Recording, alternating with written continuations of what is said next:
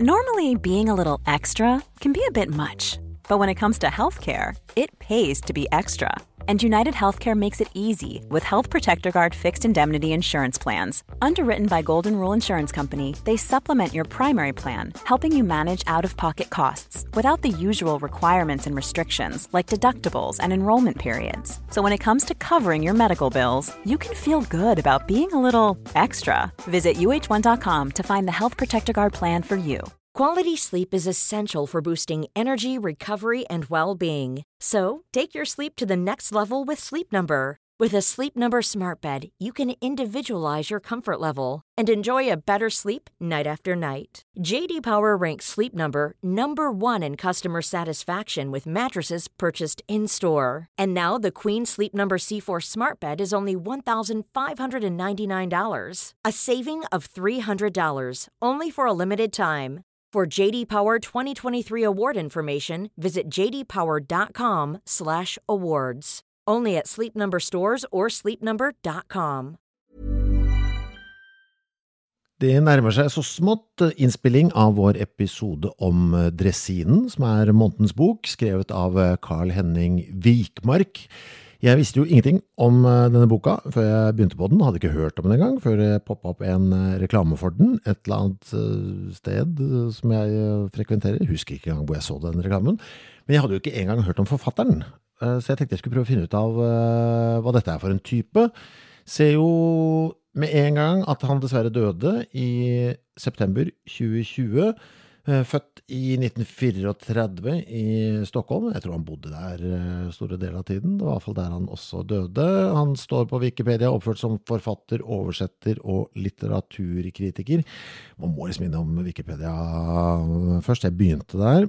Jeg ser at han var, hans faren hans var doktor i teologi, mora var lærer. Det var et sånt hjem. Virker som det er et litt sånn lesete hjem, da. Han kommer fra. så ble han Han avslutta bacheloren sin i filosofi i 57 og ble doktor i filosofi i Stockholm. Føler at det kan man nesten merke, eller, mens man leser at her har vi en Her har vi å gjøre med en luring, på et eller annet vis.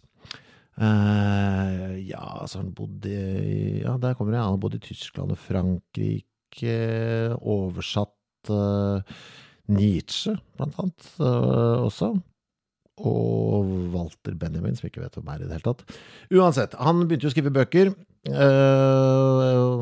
eller annet tidspunkt i karrieren, og debuterte da med romanen Jegerne på Karin Hall i 1972, og det har jeg sett på internett nå i hvert fall, at den blir fremdeles trukket fram som kanskje den beste debutromanen i Skandinavia gjennom alle tider. Det er mange som hevder det.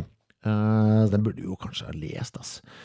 Hva er det den handler om? Den handler om et jaktselskap som holder til på slottet Karinhall utenfor Berlin, mens OL avholdes i Berlin. Og det er den tyske nazilederen Herman Göring som er selskapets vert. Og så er det Ja, det går for seg med disse jegerne. De bedriver noe spionasje, og det er noe Jeg tror det er mye knullande. Det kan virke sånn, i hvert fall. Det er veldig dekadent opplegg.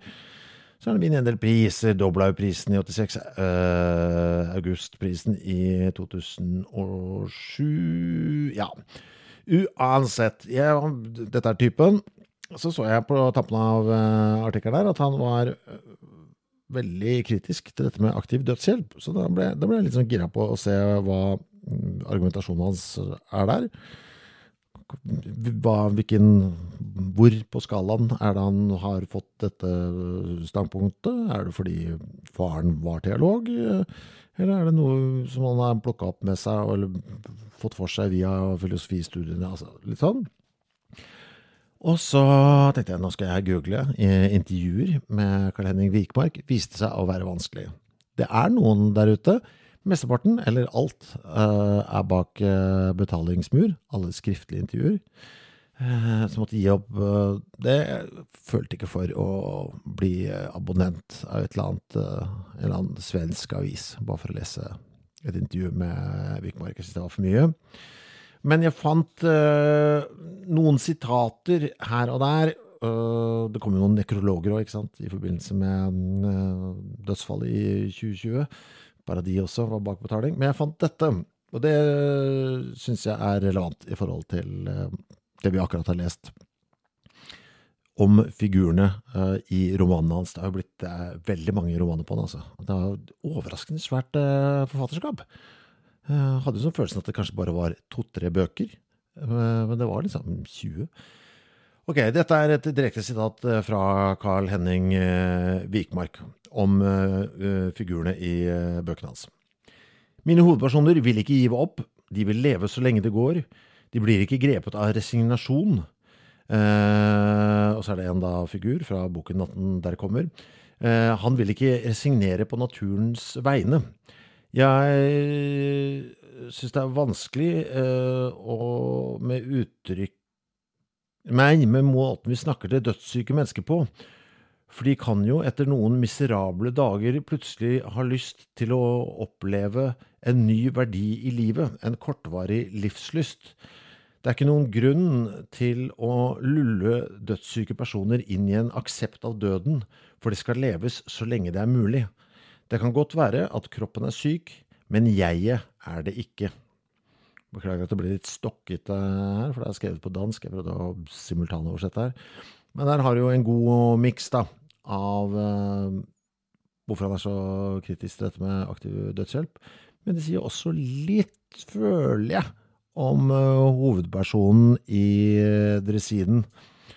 Eh, mine hovedpersoner vil ikke gi opp, de vil leve så lenge det går. Mm -hmm. Det kan godt være at kroppen er syk, men jeg er det ikke. Jeg ga ikke opp, altså, med min jakt etter intervjuer med Carl Henning Vikmark, for til slutt så så jeg jo at herre min hatt, det ligger jo et videointervju der ute, foretatt av hans største fan, Karl Ove Knausgård. Eh, ligger på YouTube. En timelangt intervju fra, jeg tror det er fra Louisiana utafor København der. Det er der det er gjort. Og da slo det meg at um, intervju, det er, uh, det er nesten best, det, i, i billedform.